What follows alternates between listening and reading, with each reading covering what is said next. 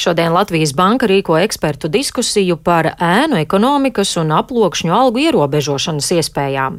Latvijas Banka ir veikusi analīzi par aploksņu algām Latvijas uzņēmumu un darbinieku grupu dalījumā, un esmu šorīt sazvanījusies ar šī pētījuma autoru, Latvijas Bankas ekonomistu Konstantīnu Beņkovski. Labrīt! Labrīt, labrīt visiem klausītājiem! Kāda šobrīd ir tā situācija? Latvijā ēnu ekonomika palielinās? Es varbūt sākšu ar nedaudz savādāku ievadu. Es gribu sākumā pabrīdināt, ka drīz būs daudz vieglāk identificēt uzņēmumus un darbiniekus, kuri praktizē tā saucamo aploksņu algu, jo šis uzdevums būs uzticēts mašīnu mācīšanas algoritmam. Un līdz ar to tie no mūsu klausītājiem, kam ir nelegāli ienākumi, varētu laicīgi aizdomāties Īsti atbildēt uz jūsu jautājumu, kas notiek tagad, es nevaru, diemžēl, tāpēc, ka es tikai izstrādāju algoritmu, kas bija uh, izmantojis nu, jau paveiktus datus par oficiālo algu, bet uh, kas ir galvenais uh, šajā ziņā, ka pats skatoties uz oficiālām algām un uh, savienojot to ar datiem par cilvēku izglītību, cilvēku ģimenes statusu, uzņēmumu finansējumu. Algoritms spēja nu, jau diezgan precīzi pateikt, vai konkrētajam cilvēkam, konkrētajam uzņēmumam ir aploksņu auga, un ja ir, tad uh, aptuveni cik. Bet uh, par to, vai pēdējā laikā pamainījies aploksņu algas īpatsvars un ekonomikas, varētu, piemēram, paklausīt šodien divos. Um, Ja es vēl uh, turpināšu, uh, tad no mūsu analīzes īstenībā izratēja divas, divi galvenie secinājumi, uh, jo mēs gribējām redzēt ne tikai tādu kopējo bildi, cik liela ir ēna ekonomika, tas galu galā ir tikai viens cipars, bet mēs gribējām ieskatīties nedaudz dziļāk uh, un uh, paskatīt, kur vairāk fokusējas aploksņu auga, proti kādi uzņēmumi, kādi iedzīvotāji vairāk saņem aploksņu algu. Un kuras nozares tās ir pārsvarā, kur aploksņu algas ir vairāk izplatītas? Jā, šeit es gan nepateikšu neko jaunu. Mēs parasti redzam, ka tā ir būvniecība, tie ir individuāli pakalpojumi, bet, bet rūpniecība ir daudz mazāk aploksņu algas, bet šie arī nav nekādi jaunie atzinumi, par to jau diezgan sen runāts. Bet kas ir galvenā priekšrocība mūsu analīze, ka mēs varam tagad paskatīt konkrētos cilvēkos, konkrētos uzņēmumos. Un, uh, es, te, es te pasvitrotu divus galvenos atziņas. Un uh, pirmais, ja mēs paskatīsim cilvēkos, tad mēs redzam, ka uh, mazu algu saņēmēji daudz biežāk greko ar aploksni algu. Un, ja mēs, piemēram, runājam par cilvēkiem, kuriem ir um, oficiāla alga uz minimālu aploksni, atvainojiet, uz minimālas algas līmeņa vai nedaudz augstāk, nu, teiksim, 500, 600 eiro.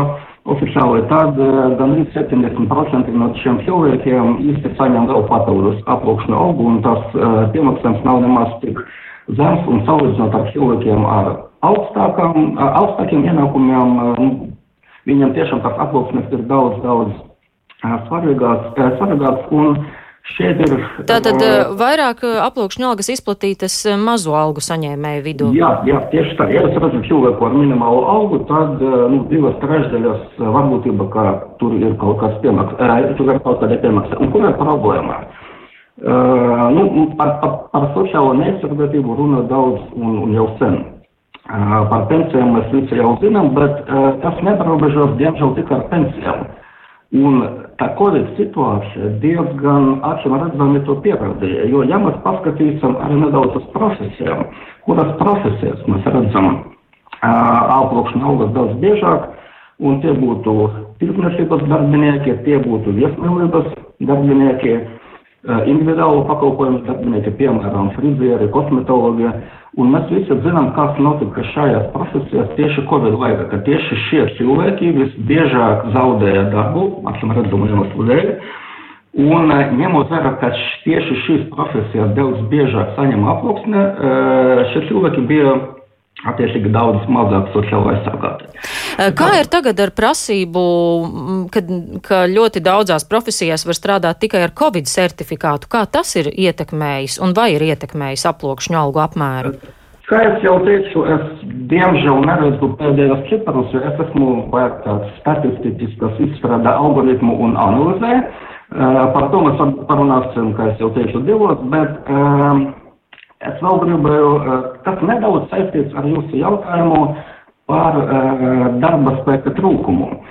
Un ar to ir saistīts tas otrais uh, stāsts, jo, ja mēs paskatīsim apakšņu algas par uzņēmumu lielumiem, tad mēs atkal redzam, ka visvairāk apakšņu algas maksā mazie uzņēmumi. Ja? Ka tur, tur ir tiešām daudz vairāk šī problēma izplatīta.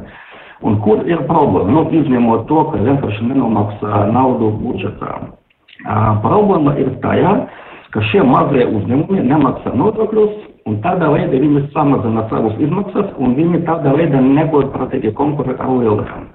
Bet lielie uzņēmumi, viņi ir produktīvākie uzņēmumi, viņi visvairāk inovē. Šie uzņēmumi pārsvarā nodrošina Latvijas eksportu un pelnā naudu priekš Latvijas pelcienekļos. Un šeit ir saikne ar, jūsu jautājumu, kas tad mums ar darba spēka resursiem Jo mēs jau pēdējā laikā eh, ļoti labi zinām, kā piemēram dabas resursi ir ierobežoti - nafta, ūdens, bet mēs vēl ne līdz galam saprotam, kā arī darba resursi ir ierobežoti, un ir īpaši Latvija, ņemot vērā mūsu diezgan sliktu demogrāfiju. Eh, vai valsts ir spējīga un vai vispār eh, vainagojas kādi centieni cīnīties ar ēnu ekonomiku? Jā, par to es tūlīt pateikšu, kā mēs varam cīnīties. Pavisam, pavisam īsi. Jā, es uh, gribu vienkārši pasvietrot, kā mazie uzņēmumi nemaksājot nodokļus, viņi negodprātīgi konkurē un viņi atņem darba resursus lieliem produktīviem uzņēmumiem. Un tādā veidā, viņi samazina iespēju Latvijas ekonomikai izaugt. Uh, par variantiem, kā cīnīties, mēs redzam divus uh, galvenos ceļus, tad ir burkans un pataga. Burkans varētu būt darba resursu, darba spēku nodokļu samazinājums. Jo mums tagad ir ļoti liels, salīdzinoši liels šo nodokļu sloks, un ja mēs samazināsim šos nodokļus, mēs samazināsim arī uzņēmumiem stimulu nemaksāt. Otrais veids ir, kas jau teicu, patagas. Un kaut vai uh, mūsu algoritms nesniedz juridisku pierādījumu, mēs nekāda veida tiesātu nevaram izmantot, bet tas var diezgan pamatīgi palabot valsts ieņemumu dienestā spēju veikt auditu pareizajā vietā un pareizajā laikā. Tad viņi vienkārši aizies un klauvēs pie durvīm tiem nemaksātājiem. Jau tagad es zinu, ka valsts Jā, nu... izmanto algoritmus, bet tad viņi varētu veikt daudz efektīvāk.